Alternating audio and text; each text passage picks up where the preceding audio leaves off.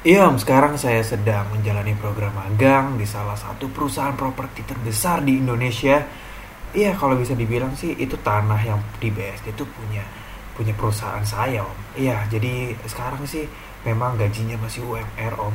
Uh, ya selama setahun lah saya magang lalu semester berikutnya saya menyelesaikan skripsi saya lalu setelah lulus dari kuliah saya sudah menandatangani kontrak untuk uh, bekerja sama lebih lanjut uh, untuk fresh graduate sendiri sih itu gajinya dua kali lipat UMR lalu dalam 2 tahun tiga tahun jenjang karir. Ya itu ya kurang lebih mah gajinya bisa empat kalinya UMR om. Ya gimana om? Jadi sekarang uh, bisa lah om saya bisa ngajak uh, anak om balikan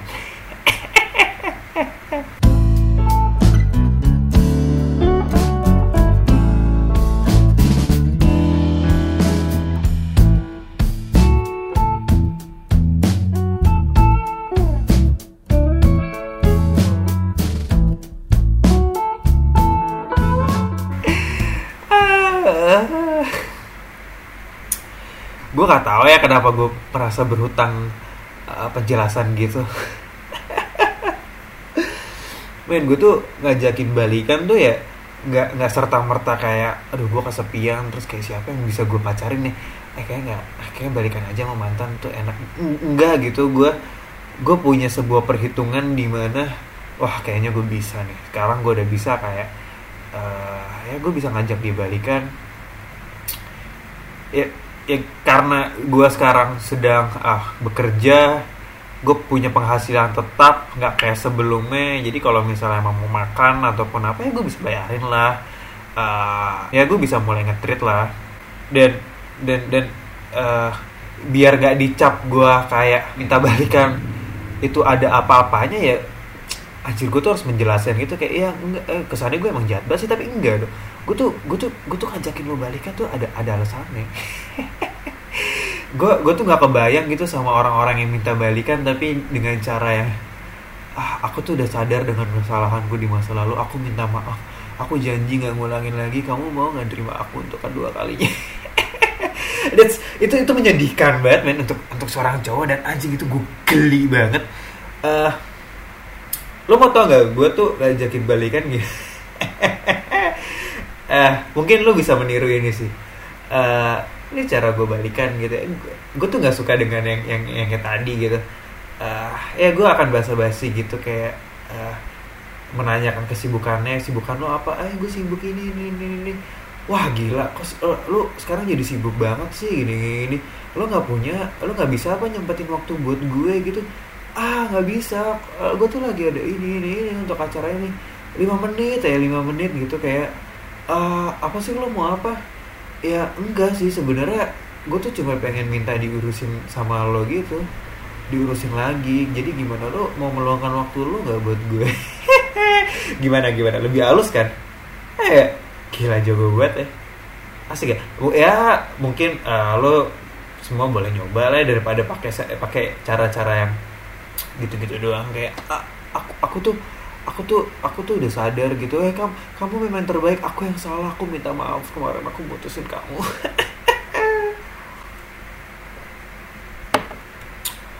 Uh, iya gitu. Uh, halo balik lagi sama gue Juan Putra di podcast calon babi muda. Uh, selamat beraktivitas bareng gue di sini yang akan nemenin lo dalam beberapa menit ke depan ini adalah podcast ke-7 I think untuk tanggal 19 April. Gimana? Sudahkah lo menggunakan hak suara lo dengan baik gitu? Kayak ap apakah calon lo itu memenangkan uh, pilpresnya? Harusnya sih by the time ini kalau mendengarkan ini di hari eh di tanggal 19 tuh lagi quick count ya. Maksudnya belum belum belum belum fix lah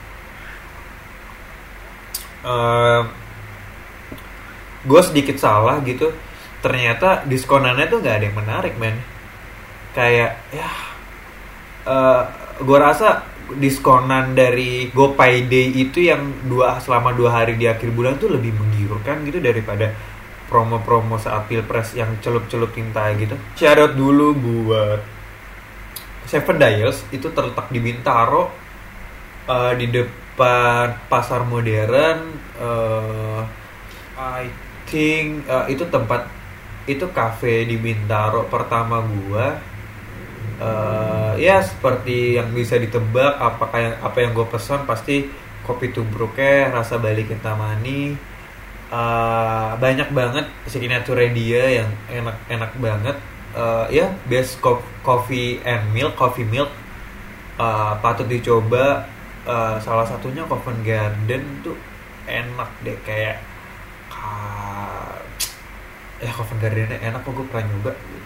Gue nggak tahu sih cara ngegambarnya gimana tapi Covent Gardennya sendiri aja itu udah 7,8 but uh, untuk tubruknya uh, gue rasa itu udah itu tertinggi gue saat ini kurang lebih 8,1 jadi uh, buat lo yang ada di kawasan Bintaro atau sedang ingin main di daerah Bintaro Seven Dials uh, maybe bisa jadi uh, pertimbangan lo buat nongkrong. Ya apa sama sih coba-coba hal baru ya nggak?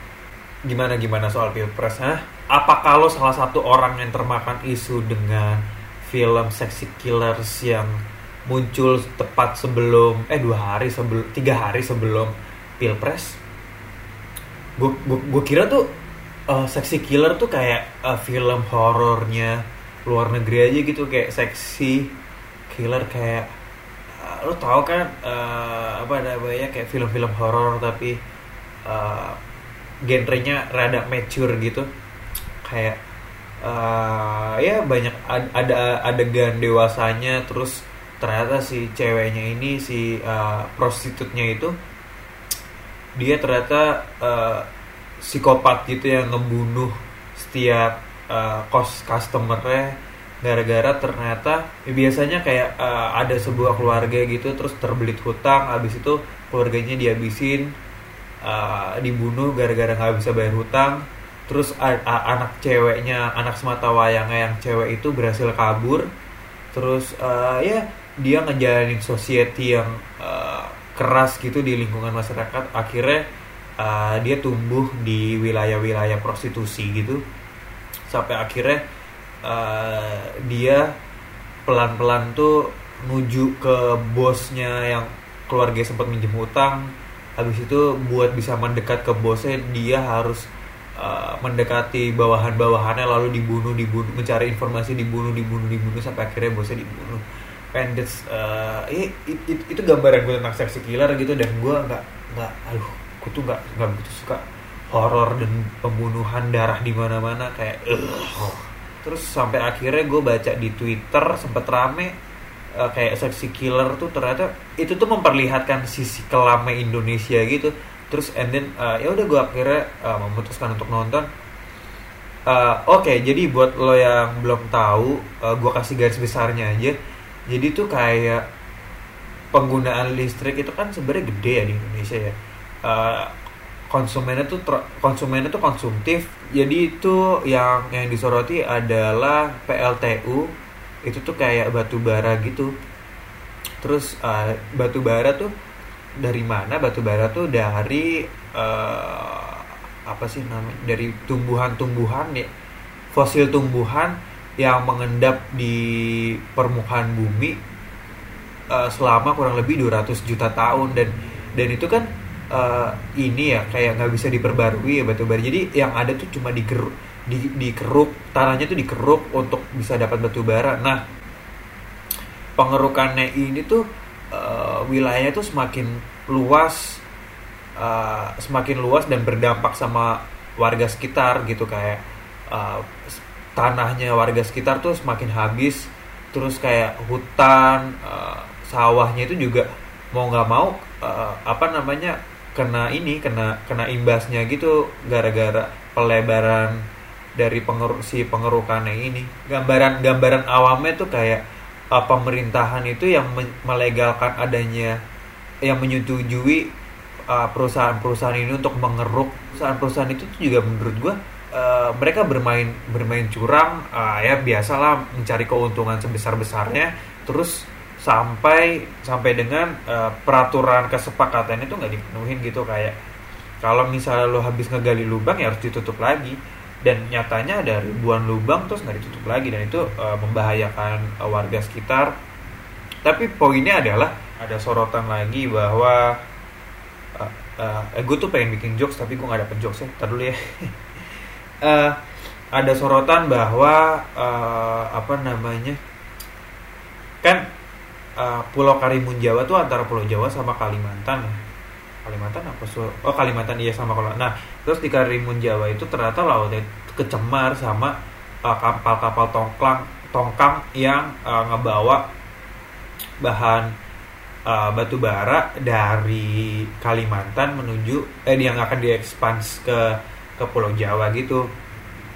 Terus uh, di pemerintahan di Jokowi itu dia nge, dia menyetujui pembangunan PLTU terbesar itu ada di Pulau Jawa. Gue lupa sih di mana tepatnya tapi tapi uh, jalurnya sih nggak jauh uh, masih masih bisa ditarik garis lurus dari Pulau Karimun Jawa sama Kalimantan. Nah, berarti kan kalau misalnya si uh, PLTU ininya ini sudah bisa ber, beroperasi, kapal-kapal tongkang yang ngangkut batu bara itu kan semakin banyak ya.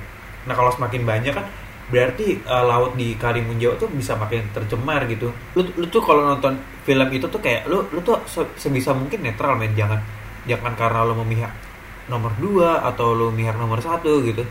Kayak lu coba deh uh, lu pikirkan lagi dan dan dan ini kan mau pilpres gitu ya. Terus kayak kalau misalnya lu menyalahkan presiden uh, Jokowi gitu kayak uh, iya presiden Jokowi bilang apa namanya gara-gara dia terus banyak korban. Enggak men itu kalau misalnya lu lu telah alai korbannya itu ada di dari interval 2006 sampai 2011 2014 2000 2000 nah 2016 ada sih tapi nggak sebanyak dari interval 2006 sampai 2011 nah itu kan bukan di pemerintahannya Pak Jokowi iya nggak sih? Iya kan? Dan da apa namanya uh, gua gua, gua tuh baru nyadar bahwa di debat capres putaran kedua itu kayak pas ditanya soal gimana uh, proyek gali lubang tutup lubang ini yang membahayakan itu gimana penanganannya kalau dari Prabowo iya nanti kita akan tutup. Terus dari Jokowi dia bilang e, iya itu udah ditutup tinggal satu dua tiga. Uh, kalau misalnya lu tarik garis uh, lurus lagi sama pokok permasalahan kayak dua-duanya ini tuh nggak nggak berani menyelesaikan masalahnya gitu. Buk, uh, gue ngerasa kenapa nggak berani? Karena nilai nilai nilai uang yang berputar tuh besar gitu. Dan dan nggak segampang itu. Kenapa nggak segampang itu ya uh, eh, gue rasa sih nggak bisa ditindaklanjuti ya. Karena sebenarnya tuh yang yang yang melakukan kejahatan itu bukan pemerintahnya gitu. Pemerintah tuh dia nggak dia nggak nggak langsung dia tuh ya pasti merintah gitu. Eh kalau dibenerin. Nah tapi kan nggak langsung di lapangannya karena uh, yang diurusin banyak. Jadi dia negesin ke bawahannya bawahannya akan melempar ke ke kepala daerahnya bupatinya terus bupatinya itu yang akan uh, nyalurin ke perusahaan terkait yang dipercaya untuk ngerjain. Nah si uh, biasanya dari dari bupati ke perusahaan itu ada main belakang ada kong kali kong kayak uh, duit anggaran yang dipakai buat nutup misalnya dari pemerintahan nggak nyam nggak uh, dipak nggak dipakai buat nutup apa namanya buat ngebatasin kan gini gini yang yang yang pengen di yang yang dipengenin apa namanya yang dipengenin sama si rakyatnya kan itu nggak makin membesar makin luas terus kalau misalnya bisa lubangan-lubangnya itu ditutup terus uh, dikasih uh, batas aman gitu kayak kayak ya biar orang-orang tuh nggak bisa ke sana gitu. Dan nyatanya itu cuma dipagerin pakai seng-seng gitu. Nah yang diseng-sengnya ini tuh kayak ada anggaran yang harusnya ini tutup dengan proper tapi ya udahlah taruh seng aja biar duitnya tuh masih bisa di itu buat perusahaannya sama bupatinya. Iya ya ya gitulah politik uang. Dan uh, salah satu yang menurut gue gue emes itu ketika ada bagian yang ngeliatin lagi sidang itu komisi 7 bagian perlindungan eh bagian lingkungan ya gue nggak tahu. Nah itu tuh uh, si pimpinannya itu tegas banget men kayak uh, apa namanya saya nggak perlu anjing itu bagus banget sih. Saya nggak perlu uh, cerita bapak saya mau saya mau hitungan bapak itu gimana bla bla uh, gimana perhitungannya untuk nutup gitu penjelasannya gimana cepat gitu. Terus yang yang si uh, gue nggak tahu siapa namanya dia nggak jelasin kayak iya pak. Jadi bla bla bla bertele-tele tuh saya nggak bisa.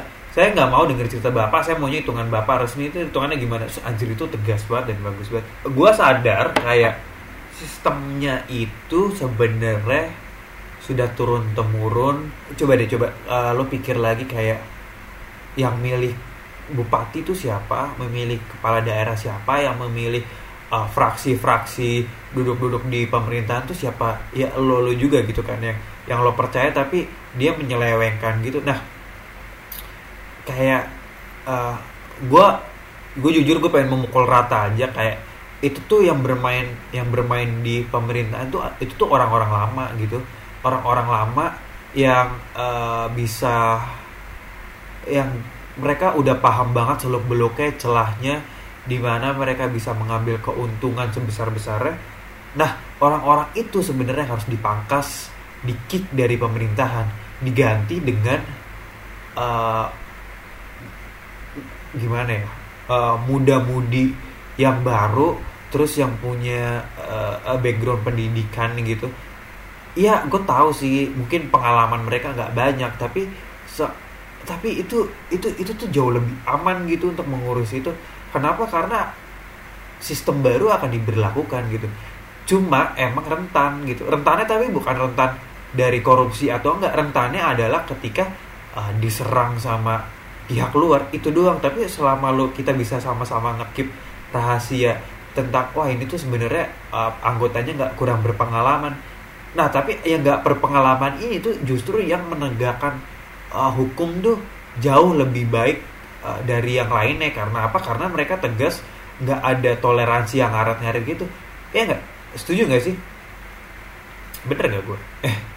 Ah, ah, gue gue gue cuma gue pengen open minded gue pengen coba uh, penilaian lu tuh kayak gimana. Soalnya uh, ya lo tau sendiri kan kayak ada partai baru PSI ya ya jiwa muda banget. Terus uh, gue tadi sempet ngelihat apa namanya uh, perolehan hasil quick count yang DP DPD atau DPRD ya itu tuh kayak men uh, ya, ya yang yang punya suara gede tuh ya partai-partai besar yang dari dulu udah ada kayak PDI uh, kayaknya PDI paling gede deh. Itu ada di, di 29 lebih. Terus ada uh, Golkar. Uh, Nasdem lumayan lumayan tinggi. PAN itu nggak begitu uh, Gerindra enggak justru PSI kecil banget sih. Uh, antara 1,2 atau 2,1 suaranya dan itu uh, kayak mati banget. Nah uh, beberapa gue tahu beberapa kayaknya sih gue sempat ngeliat PD itu ngeluarin muda-mudinya yang baru tapi uh, ya itu tadi kayak kayak mereka bisa dipercaya kayak karena kan mereka orang lama gitu di pemerintahan jadi kayak ya mereka pasti tahu seluk beluknya uh, siapa pun yang yang punya pemikiran untuk nyari celah pasti bakal dapet celahnya sih. Uh, oke okay, itu itu kita kesampingkan soal pemerintahan dulu.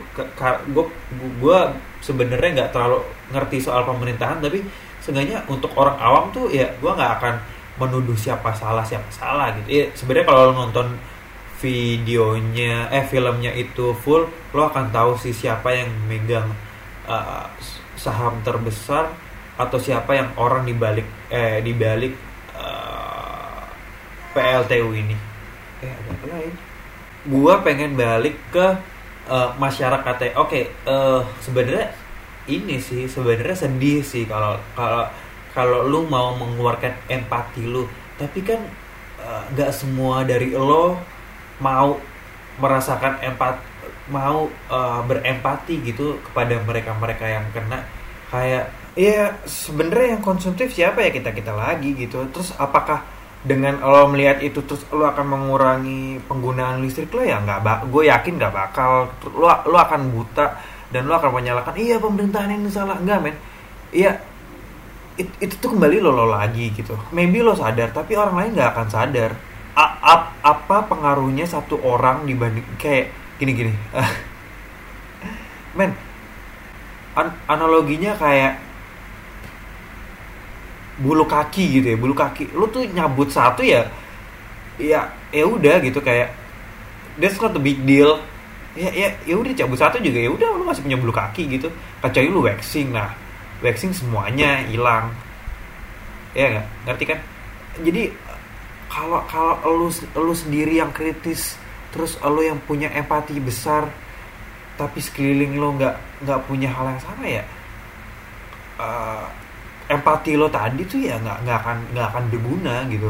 Nggak akan nggak akan punya impact yang besar kecuali uh, lo secara personal mau ngebantu mereka ya itu bagus sih tapi uh, tapi gimana kalau misalnya yang lainnya ngiri gitu? Ya berarti kan lo tekor kan? Anjir itu iya iya gue tahu lo gue tahu gue tahu lo niatnya baik untuk menolong tapi ketika semuanya ingin ditolong dan lo lo doang yang yang menolong kayak anjing udah gue tuh mau berbuat baik malah ngelunjak. Uh, ya ya gimana ya? Uh, nggak ada yang sah ya, gimana? Gue gue tuh masih uh, aneh gitu kalau misalnya lo menyalahkan pemerintahannya pemerintahannya nggak tegas pemerintahannya udah tegas uh, kalau lo ngeliat lagi tujuannya uh, presiden lo itu lo, mereka tuh mau ngebangun industri di Indonesia uh, jadi semuanya itu sudah ya pokoknya mau jadi negara maju berkembang industri industri juga. Btw lu tuh kemarin habis pada nyoblos pada pakai promo gak sih? Iya kan yang tadi gue bilang kayak uh, kayaknya tuh promonya dari GoPay Payday itu lebih besar gitu daripada promo-promo yang ada. Terus kayak ya itu jadi nggak menarik. Tapi kayak lu tuh tahu gak sih sebenarnya kenapa lu tuh sadar gak sih kayak kenapa sih mereka mau promo-promo gitu? Kayak anjir duitnya dari mana sih? Kok bisa ya promonya 50% terus kayak eh itu dalam beberapa hari kayak tiga hari terus ya bayangin aja berapa kali transaksi aja emang nggak tekor apa dia? A ada yang mau nanyain itu nggak sih? Gue gue gue ingin menjelaskan gitu. Nggak apa-apa lah gue jelasin ya kayak maybe uh, ini bisa nambah wawasan lu buat lu yang males baca. Uh, metode pembayaran digital tuh sangat sangat dibutuhkan. Kenapa? Karena ya berkembangnya teknologi terus tujuannya tuh juga uh, untuk mengurangi jumlah uang uh, kertas yang beredar gitu untuk mencegah inflasi eh kayak oh, iya inflasi inflasi apa inflasi ya? Inflasi di kalau salah. Nah terus gimana sih biar orang mau eh itu tuh sebenarnya teknik marketingnya gitu. Gimana sih orang-orang biar mau beralih dari pembayaran uh, konvensional yang pakai uh, uang gitu terus mau pindah ke pembayar pay, uh, digital payment halus banget sih. Kalau lo inget lagi pas uh, gue gue gue rasa yang pertama kali malah itu GoPay gitu.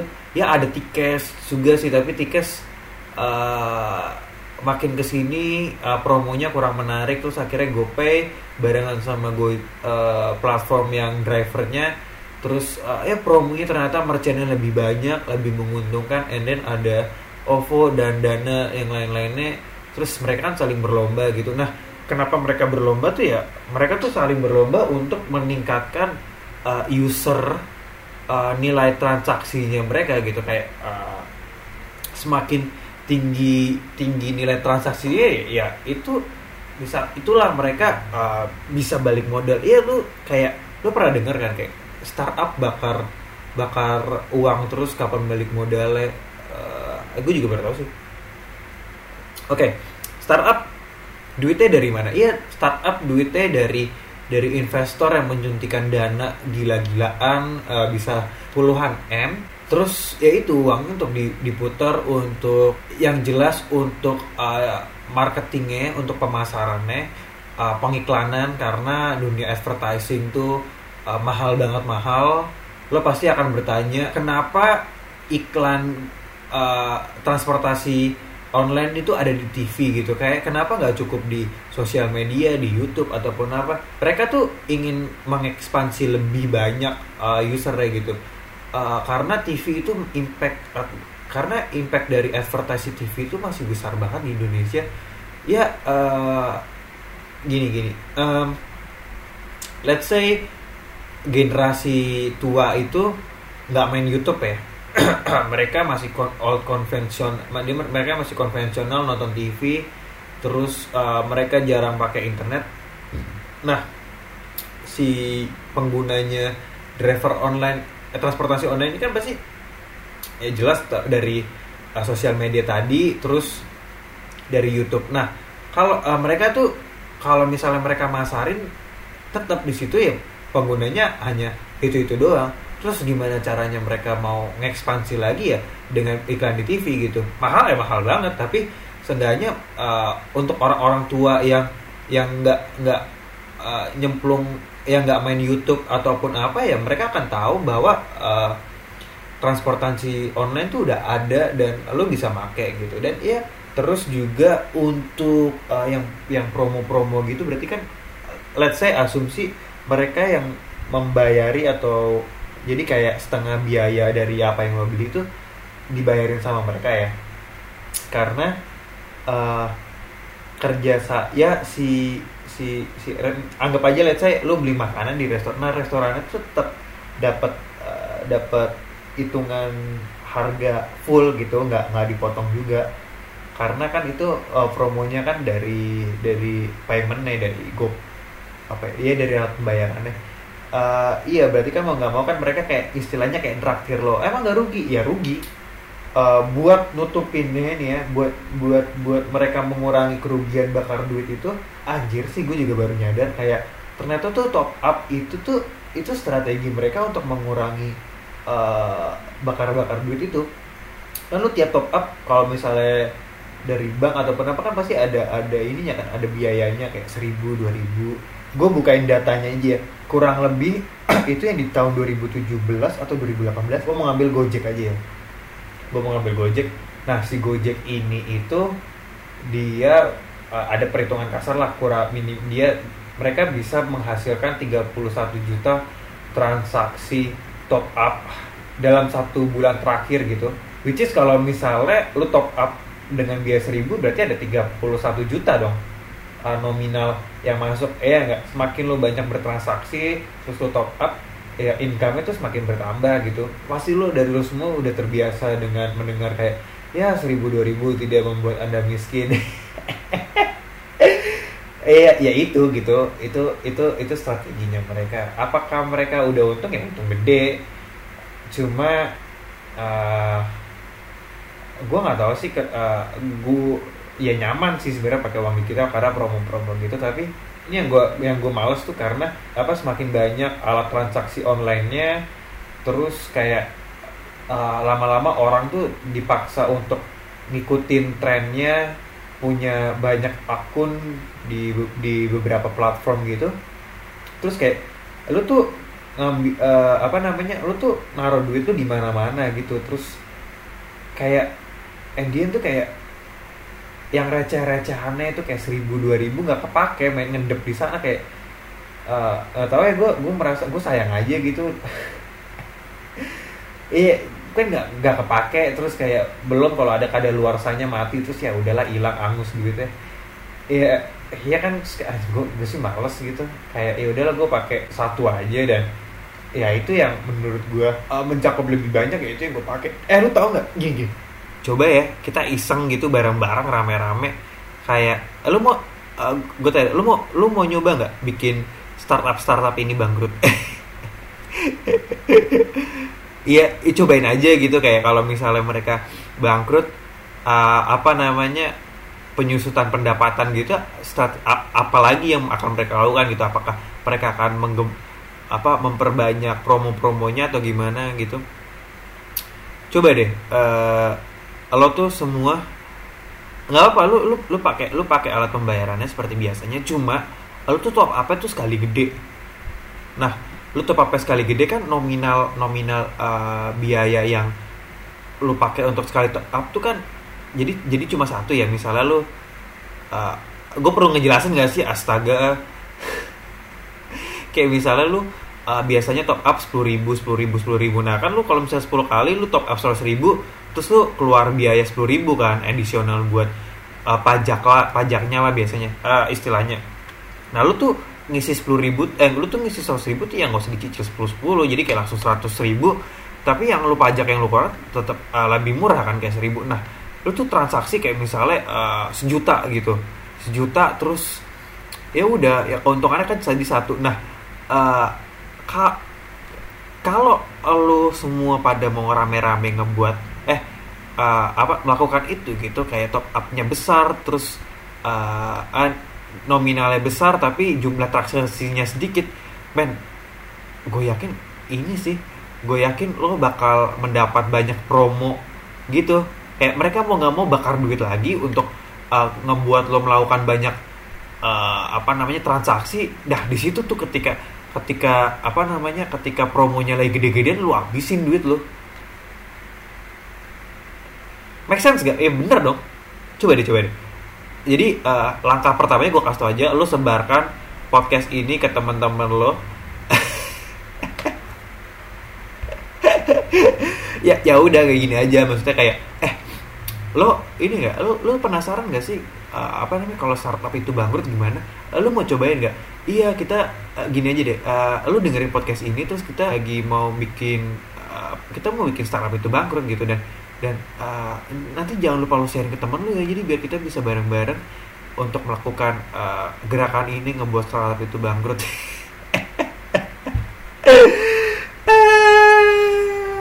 Gue nggak tahu pemikiran itu uh, muncul dari mana. Eh tapi sumpah gue itu itu itu itu terlintas begitu saja gitu.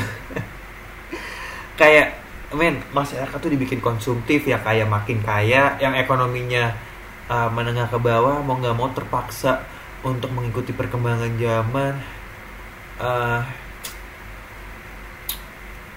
gue tuh habis nonton film di Netflix kayak kehidupan kehidupan anak-anak orang kaya gitu yang ya ternyata tuh menjadi anak dari uh, orang tua yang kaya tuh nggak nggak seenak itu. Ya gue tahu sih emang emang nggak seenak itu gitu. Kalau di Indonesia sebenarnya udah banyak sih kayak uh, apa namanya ya lu kaya tapi perasaan lu tuh nggak kaya gitu. Perasaan lu tuh yang terkekang lu miskin akan uh, perhatian orang tua lu bisa ngeluarin duit buat apa namanya lu beli barang tapi kayak uh, at the time mereka banting tulang kerja lo kurang perhatian gitu kasus-kasus gitu banyak sih. Terus di filmnya ini kan kayak uh, apa namanya di SMA tuh kayak ada acara dansa gitu kayak high school dance itu yang rutin digelar sebulan sekali. Anak-anak orang kaya ini tuh pada kenyataannya mereka di mereka tuh sama saling gak suka satu sama lain gitu. Kenapa? Karena uh, ya dari lingkup yang kaya terus mereka semakin uh, ya pengennya menunjukkan kekayaan mereka gitu. Dan dan berteman tuh kayak ya sama yang yang yang statusnya lebih tinggi aja. Kalau misalnya lu kaya nggak kaya kaya amat ya lu mainnya sama yang nggak kaya kaya amat kalau misalnya bokap lu uh, pejabat yang mainnya sama anak-anak pejabat. Dan uh, jadi kan kayak ada satu anak gitu yang cewek gitu terus kayak dia rada beda gitu dari yang lainnya. Bedanya kayak uh, dia punya pemikiran yang ya gue tuh malas gitu kok pakai baju bagus. Buat apa sih pakai baju bagus kalau gue gak nyaman? Ngapain sih gue harus kelihatan cantik pakai hak kalau sebenarnya gue pakai flat shoes saya tuh udah enak banget. Kayak gitu-gitu terus uh, apa namanya dia nggak punya banyak teman. And then uh, ya udahlah dia ngajak dia kayak nyewa nyewa orang gitu buat nemenin dia. Terus sebenarnya dia nggak mau datang ke ke acara dan saya tapi dipaksa orang tuanya biar bisa berbaur. Orang tuanya sendiri tuh yang bilang kayak ah kita tuh kita tuh berharap lo tuh nggak mengulangi kesalahan yang yang kita buat dulu semasa SMA kita berpikir untuk belajar belajar belajar untuk tajir tapi ternyata kita tuh nggak nggak punya kehidupan sosial gitu. Dan kita nggak mau kamu sampai seperti itu. Uh, ya udahlah berangkatlah si anak ini terus uh, diajaklah dansa gitu kan sama yang tadi nemenin dia kayak ayo kita da uh, lo mau dansa nggak? Gitu kayak ngapain sih dansa di sini? Lu lihat deh sekeliling lo nggak ada yang mau orang-orang di sini tuh nggak mau dansa. Orang-orang tajir di sini tuh ya mereka datang ya cuma buat foto Instagram untuk mencari fame. Dan mungkin itu alasannya sekarang banyak orang yang pengen punya anak. Anjing itu anjing anjing itu kritiknya bagus banget sih kayak iya ya orang-orang orang-orang sekarang tuh kayak ya datang ke acara tuh ya buat foto doang pencitraan kayak eh terus uh, dan dan uh, apa namanya punya anak itu punya anak itu bukannya bukannya untuk berkeluarga tapi untuk untuk mencari fame gitu kayak kayak punya keluarga terus uh, lo upload kebahagiaan lo dan foto anak yang lucu aja tuh bisa hits gitu di sosial media menaikkan fame lu gitu dan emang lu peduli sama anaknya? Enggak selama anaknya itu uh, bisa dipercantik untuk untuk bahan jualan lo tuh ya itu yang yang ah tai, bagus banget. Gue nggak tahu apakah pendengar podcast ini termasuk golongan-golongan kaya? Semoga enggak sih. Tapi kalau misalnya lo emang orang-orang tajir uh, emang orang-orang yang tajir terus kayak masih uh, mendengarkan podcast kayak uh, gue bisa jamin kehidupan lo di dunia nyata tuh nggak menyenangkan karena ya lo punya duit tapi uh, lo tuh nggak bisa dapetin apa yang lo mau dapetin kepuasan batin emosional tuh nggak bisa nggak bisa selalu dibayar dengan nominal uang men. Kadang tuh hanya duduk terus lo berdebat apa yang ada di kepala lo sama orang. It, it, itu tuh bisa bisa memuaskan batin lo gitu. Itu salah satu kepuasan batin yang nggak bisa dinilai sama orang uh, ya kalau misalnya lo punya duit maybe uh, lo bisa hubungi gue gue buka jasa untuk mendengarkan ataupun uh, aduh sorry banget gue kalor ngidul uh, anjir gue ngantuk banget sih sebenarnya. Udah jam satuan gue record ini. Gue gue minta maaf banget deh soalnya kalau misalnya gue loncat loncat dan dan nggak nggak nggak nggak nggak nggak lucu lucu amat. Uh, gue punya gue gue gue tuh udah kepikiran gitu gue mau ngelempar jokes apa tapi otak gue tuh ngantuk terus kayak aduh gue lupa tadi mau ngejokes pakai apa. Uh, ya udah sekali lagi gue minta maaf banget di episode berikutnya gue akan kembali seperti biasanya. Ya, ya maafkan lo untuk yang episode kali ini. Masuk ke sesi komen tarin aja. Uh, oke? okay. Uh, gue tuh baru dapet notif ada salah satu video di YouTube yang uh, di komen gitu. Uh, bentar, bentar bentar. Mana ya ada ya? Oh nih nih nih nih ada dua ada dua yang pengen gue Oke, okay, uh, buat lo yang nggak tahu, gue uh, gue sempet di tahun 2016 pas ADC gue bikin salah satu uh, apa namanya, gue gue bikin salah satu video di mana itu ngebacain puisi karya Emaan Mansur yang judulnya Batas. Men, uh, itu tuh pecah banget. Uh, udah nyampe hampir 100 ribu view sekarang dengan 800 likes-nya dan 74 komentar eh uh, terima kasih atas pujian-pujian yang masuk uh, gue rasa uh, gue pernah ngebahas komentar-komentarnya itu di di ada di video yang sosokan Q&A yang so asik dia pokoknya nggak seru. Uh, tapi sebenarnya gue sangat berterima kasih dengan uh, feedback positif banyak dari kalian yang uh, meminta gue buat bacain puisi lagi tapi ya enggak gitu. Kenapa enggak gue lakuin? Karena uh, gue kehilangan mood ataupun gue nggak suka yang lain. Enggak gue nggak gue nggak dapat feel jadi gue nggak mau uh, apa namanya ngebuat itu. Dan gue rasa yang gue sempat bikin dua dua kali di dengan jeda waktu yang cukup lama dan itu tetap gak dapet feel oke okay, nah kenapa gue mau bahas yang ini soalnya ya ada anak soto ya uh, eh, gue bacain aja ya kayak Aku udah terbiasa dengan suara Nicola. Eh, ini dari siapa? Oh, dari Debbie C ya. Dari Debbie C ya. Aku sudah terbiasa dengan suara Nicola Saputra jadi aneh dengar suara lain. Ya, ya, ya lu kalau misalnya udah denger suara Sa Nicola Saputra kan ya lu ngapain nyari-nyari, men?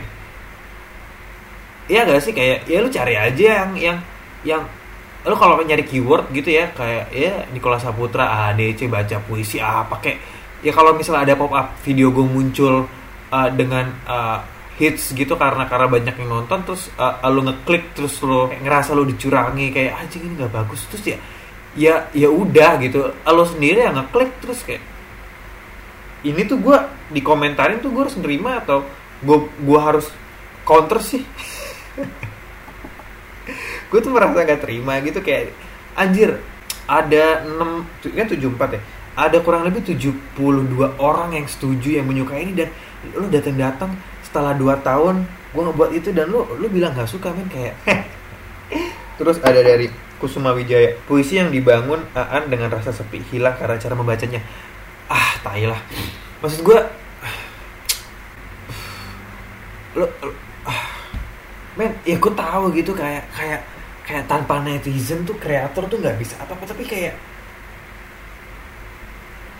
lo bisa nggak sih uh, kayak berpikir kayak dunia tuh bukan tentang lo aja. Gue buat itu tuh emang emang buat lo ya? Enggak lah.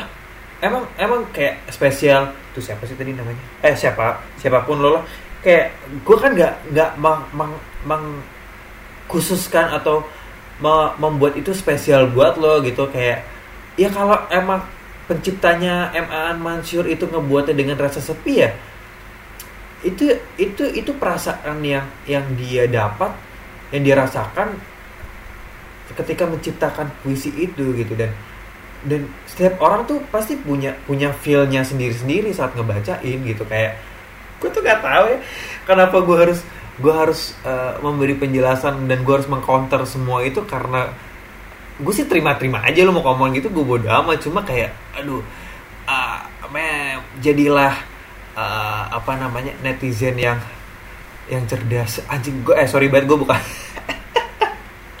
Nggak maksud gue uh, lo paham lah kayak men gue tuh ngebuat itu tuh gue lagi dapat file gue lagi galau-galaunya karena gue abis abis ditolak cewek kalau nggak salah dan itu tuh uh, tiga bulan atau empat bulan intinya gue waktu itu dengan dengan dengan dengan dengan orang itu tuh gue setahun lebih gue nggak bisa move on terus abis apa maybe tiga bulan setelah gue ditolak gue uh, film ADC muncul dan gue lagi dapat file dan dan dan itu adalah cerminan gambaran ketika gue merasa bener-bener sepi gue merasa bener-bener terpuruk gue merasa bener-bener uh, rindu akan perhatian ya ya itu itu perspektif sudut gue gitu bukan bukan Aan.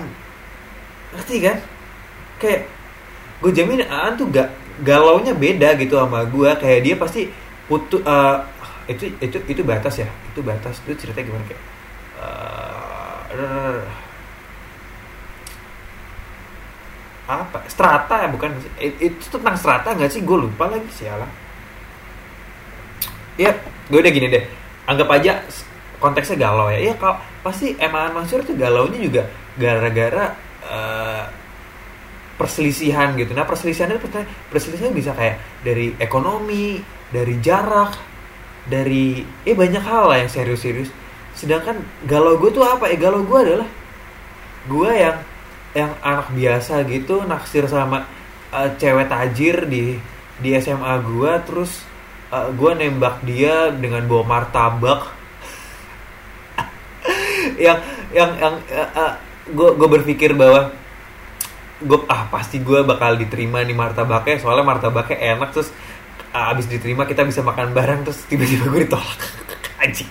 Uh, ya itu kegalauan gue gitu kayak ya ya sebenarnya galau galaunya sih bukan karena martabaknya sih galaunya kayak uh, gue udah gue gue udah yakin banget bisa sama dia dia yang dia yang uh, gue gue sangat nyaman sama dia tapi ya ternyata uh, dia nggak dia nggak nggak nggak nggak nggak pengen gue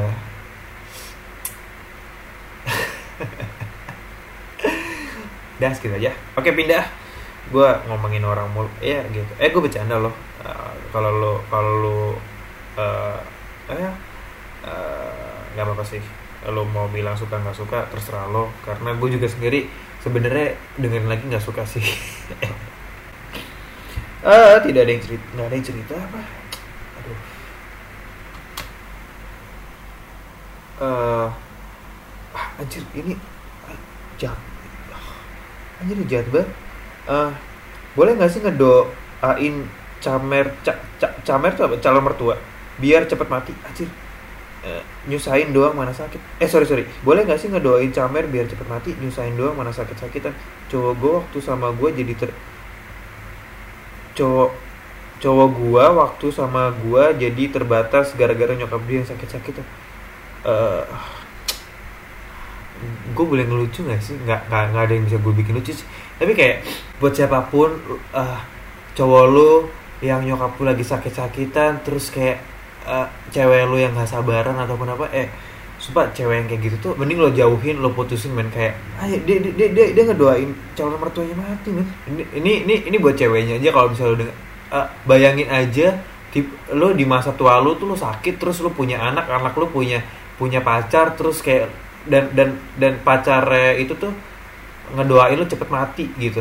Itu tuh kenapa gua gua nggak suka dengan uh, hubungan yang posesif gitu karena posesif tuh ngebuat lo buta gitu. Kayak cewek ataupun cowok lah apa pun yang yang hubungannya posesif tuh ngebuat lo buta. Anjir ini tuh bener-bener ah cik. Hmm. Aduh, itu jahat banget sih tadi. Udah ganti jadi begini gue kan kuliah nah gue jadi gue itu jadi ojol buat biaya kuliah tapi ada aja orang yang nyindir gue haha dasar ojol. Padahal yang nyindir itu biaya kuliah masih ditanggung sama ortu. Gimana tanggal tanggapan kalian kak? Uh gila men. Gue salut banget sama lo. Sih. Hmm. Iya menurut gue apa namanya? Ini gue berasa ditanya ya tapi ya gak apa-apa lah. Eh namanya juga komentar. Men teman lu tuh udah kayak apa yang apa apa semua kata-kata hinaan cacian yang keluar dari dia tuh kayak alah lu lu lu ya udah lu lu tai taiin aja gitu. Kayak alah sampah lu aja duit masih minta orang tua jajan. Gue gue jamin lu beli rokok aja tuh pakai duit orang tua men. Kayak aduh cemen banget sih lu.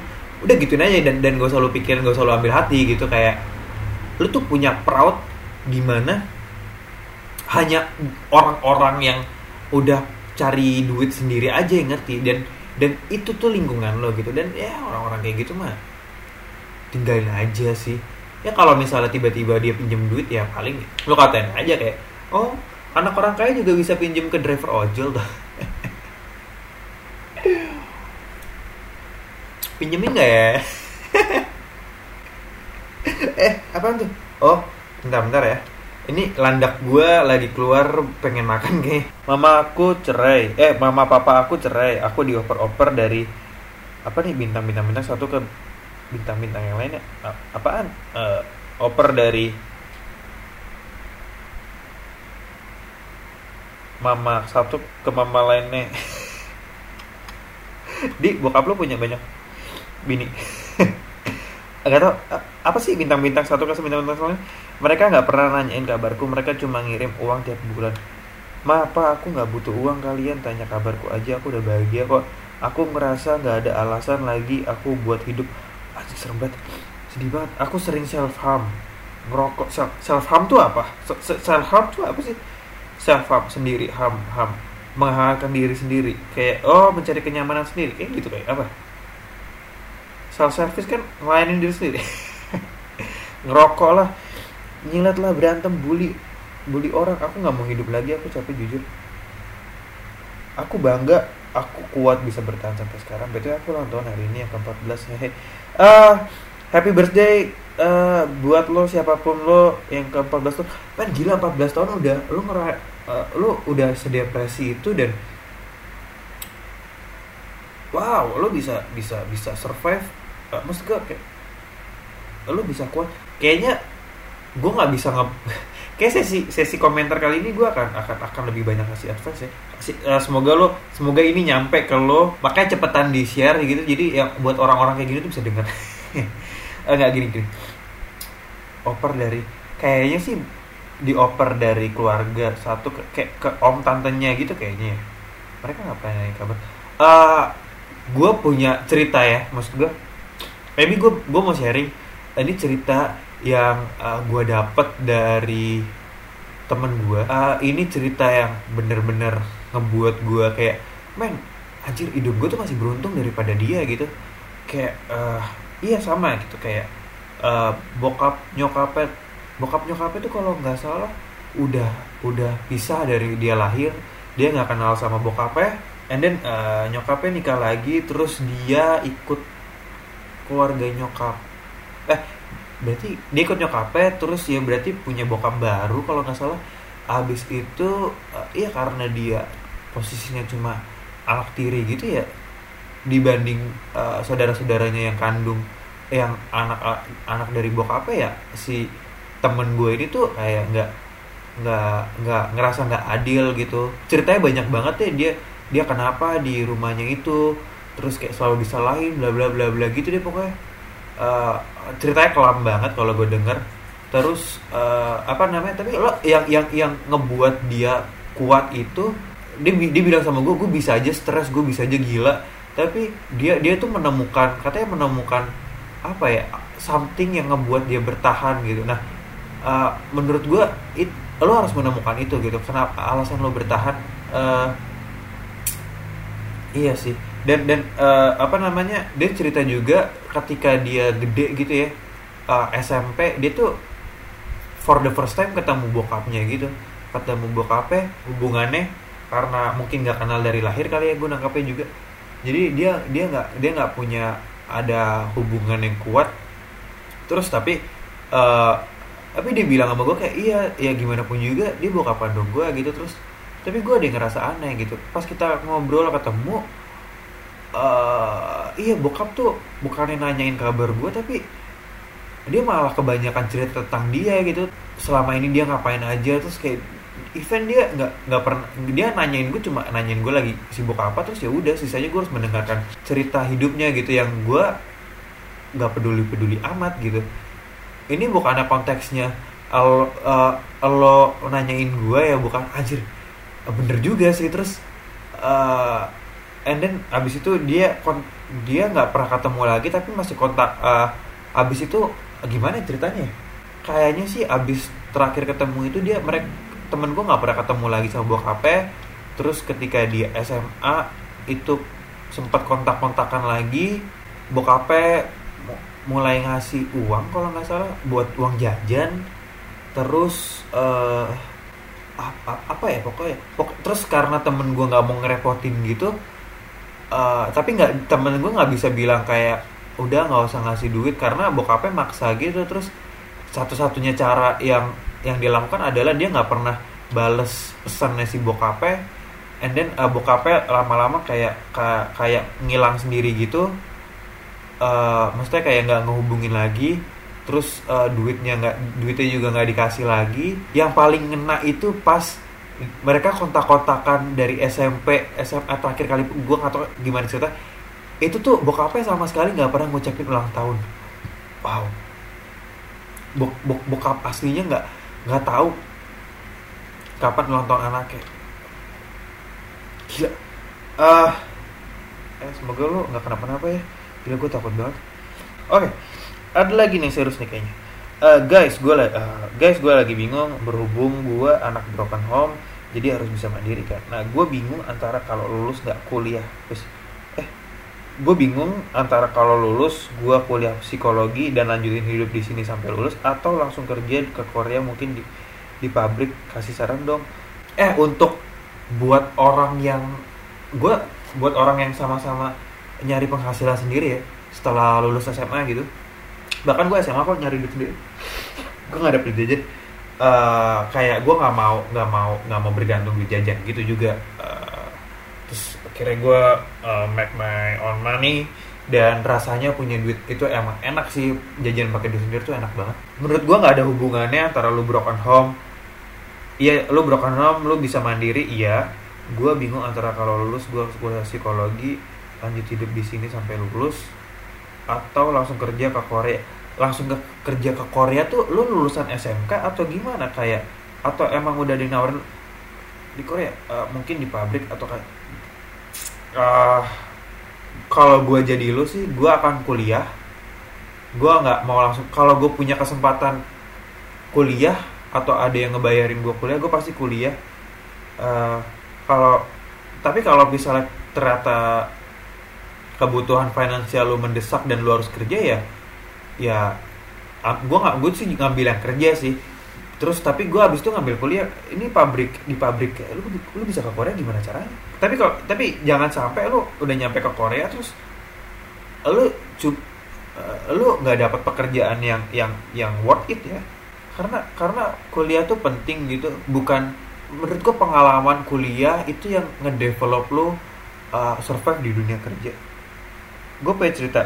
Gue cewek biasa nggak pernah pacaran. Tiba-tiba di umur 20 yang lalu gue dapat kenalan cowok. Yang pokoknya fisikalnya tipe gue. Fisika. Aduh. Kayak gue boleh bilang ini body shaming gak sih? Kayak ah ini dia macu banget prote. Prote notice comeback itu itu sama kayak cewek cowok kan anjing dan eh, tetenya gede banget. Anjing pantatnya bagus ternyata cewek juga body shaming ya. Seneng dong wak wak wak uh, secara material gue yakin semua cewek pasti mau. Bocoran dia pakai Alphard anjing! Men pacaran sama cowok pakai Alphard apa rasanya men? Capek lah. Anjing mobil segede gitu. Nyetir sendiri bete lah. Terus dia lulusan luar negeri juga. Oh. Supir uh, dia dia dia dia habis lulus di luar negeri terus balik ke Indo karena kalau kerja di Indo harus punya S1 uh, Indo terus jadinya cuma bisa jadi supir. Ya supir Alphard. Dia sayang gue. Eh apa? Bukan bukan. Terus dia lulusan luar negeri juga. Dan lo tau dia niat nikahin gue. Dia sayang gue dia cinta gue. Gue dikenalin ke orang tua dan saudara-saudaranya. Bahagia bahagia nggak tuh gue pokoknya gue nggak cantik cantik banget badan juga lemak masih banyak pokoknya banyak sekurang kurangnya idaman idaman kan cowok gue idaman kan cowok gue. Sholat lima waktu meski ya kita kadang ngelakuin dosa sih. Ah, dosanya apa? Ah pegang-pegang dikit ya nggak mungkin lah. Ah di umur 22 tahun. Apa tuh apa tuh pegang-pegang lah ya. Tapi tapi tapi setiap kesempurnaan pasti ada kurangnya kan. Dia kadang egois dia kadang bentak gue there's something wrong in him. Mentally dia kadang nyakitin gue dan dia pernah have 53 times sama cewek lain. Apa? Dia dia pernah have 53 kali sama cewek lain dan dia juga pernah beberapa kali jalan sama cewek lain. Alasannya bosan di belakang gue gue minta kalian eh kali dia 53 kali sama dia pernah have 53 times sama cewek lain itu itu maksudnya apa kayak mantannya 53 atau dia pernah petik dua au au sama cewek. Anjing sakit nih orang. Dan dia juga pernah beberapa kali jalan sama berarti 50 yang have 50 times itu beda dong konteksnya sama jalan sama cewek anjing gila nih orang. Gue minta kalian gimana gue minta gue nggak minta kalian gimana gimana kok gue cuma mau minta kalian doain gue hubungan gue ya. Gue terlanjur sayang. Hashtag ya ya udah lo nggak minta. Ini kan ya udah gue berdoa sama lo semoga uh, gue berdoa untuk lo semoga lo cepet tersadarkan dan dan semoga uh, lo nggak jadi yang kali empatnya aja.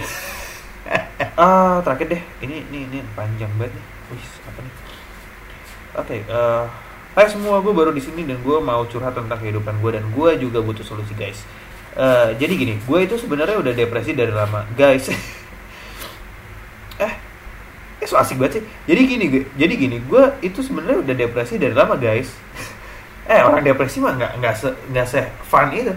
Jadi gini gue itu sebenarnya udah depresi dari lama guys. Segitu sih. Alasan pertamanya gue kekurangan kasih sayang ortu mereka nggak ngurus gue dari kecil sampai sekarang. Bapak gue itu nggak nganggap gue anaknya guys. Gue bingung kenapa kenapa lu pakai guys itu kayak so asik banget. Jadi gue ngebawanya juga so asik ya untuk ngimbangin ini ya siapa tau lu juga so asik. Dia buang anjing sedih banget.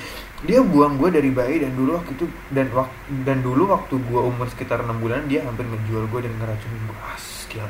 Ah sorry banget. Yang tadi gue uh, bercanda.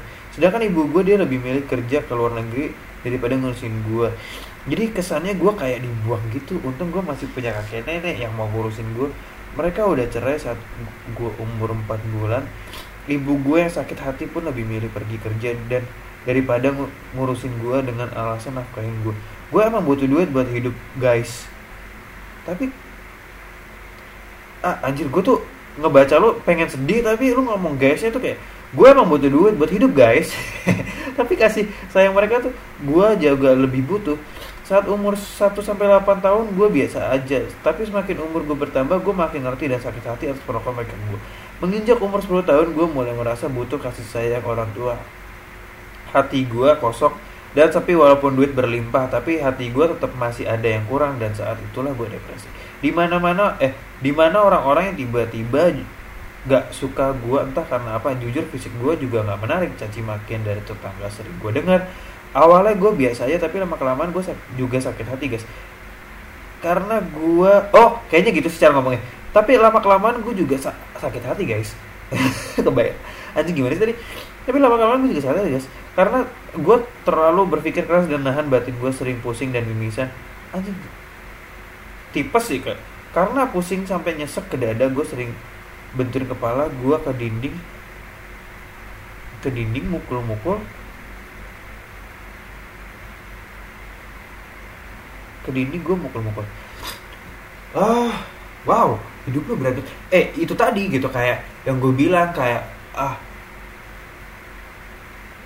hidup dengan duit berlimpah tuh nggak nggak nggak berarti ngebuat lo senang gitu. Lo bisa beli apa apa tapi kepuasan emosional lo tuh nggak nggak terpuaskan iya sih I feel you sih sebenarnya. Uh, gue nggak ada di posisi tapi gue tahu gue bisa ngomong itu karena gue tahu gitu. Gue gue empati gue bisa nyampe ke sana gitu. Simpat selalu sih gue mau percaya sama gue tapi gini itu alasannya gue nggak mau orang tuh uh, menikah di usia 25 tahun tuh karena uh, ingin mendapatkan uh, kasih sayang gitu. Kayak lu tuh menemukan kebahagiaan lu dengan menikah? Enggak karena itu menikah umur 25 tahun dengan alasan itu sebenarnya itu itu tuh lu cuma kabur dari dari rasa kesepian dari rasa kesepian lo gitu. Uh, dijodohkan uh, gue nggak tahu orang tua lu apakah orang tua lu yang dijodohkan atau yang menikah usia muda dengan alasan uh, menemukan kebahagiaan? Ya ya itu alasannya gitu. Gue uh, gue gue percaya pernikahan tuh adalah di mana lo tuh udah selesai dengan uh, keegoisan hidup lo. Jadi kayak ya lo tuh menikah ya lo tuh udah harus siap uh, dengan lo harus siap untuk meng menghidupi orang lain. That, that's why harusnya nggak nggak harus ke sana sih. Kayak punya anak itu ditunggu-tunggu. Gue yakin nyokap lu tuh pengen minta maaf lo. Tapi uh, dia gengsi karena udah lama ninggalin lo. Makanya dia berusaha keras nebusnya pakai ngebiayain lo uh, kayaknya lo yang harus mulai untuk bisa menerima nyokap lo lo yang bi harus bisa mencairkan suasana dengan nyokap lo lo harus bisa lo yang harus ngebuka yang harus berdamai sama nyokap lo uh, ya karena lo yang lebih muda lo yang harus bisa menunjukkan sikap itu ke nyokap lo uh, masalah bokap lo uh, gue nggak tahu sih apakah apakah lo mau berbaikan dengan beliau atau enggak. Tapi yang nyokap lo itu tadi lo harus harus ngerit nyokap lo lagi. Menurut gue intinya lo lo tuh harus bisa mencari kehidupan sosial yang lebih baik uh, untuk ngedistraksi itu semua. Ya kadang-kadang emang lu pasti akan teringat dan lu terpuruk. Tapi gue yakin banget seharusnya tuh itu tuh bukan beban pikiran lo.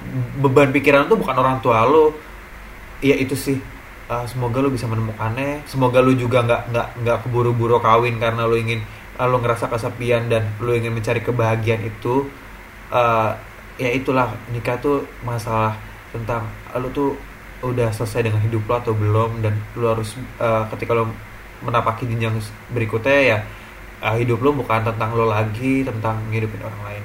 Udah kayaknya kepanjangan uh, segitu dulu aja. Eh semoga ini ngebantu uh, beberapa dari kalian yang maybe punya permasalahan yang sama uh, oke okay, buat yang mau nanya-nanya bisa kirim di tiny.com slash blackmailcpm. Kalau misalnya lo nggak tahu sana bisa cek langsung di bio podcast ini aja. Udah gue lampirin di sana. Di mana pun kalian berada selamat beraktivitas kembali. Terima kasih sudah mau mendengarkan gue dan terima kasih. Eh gitu aja sih. Uh, nama gue Jun Putra pamit undur suara. Uh, bye bye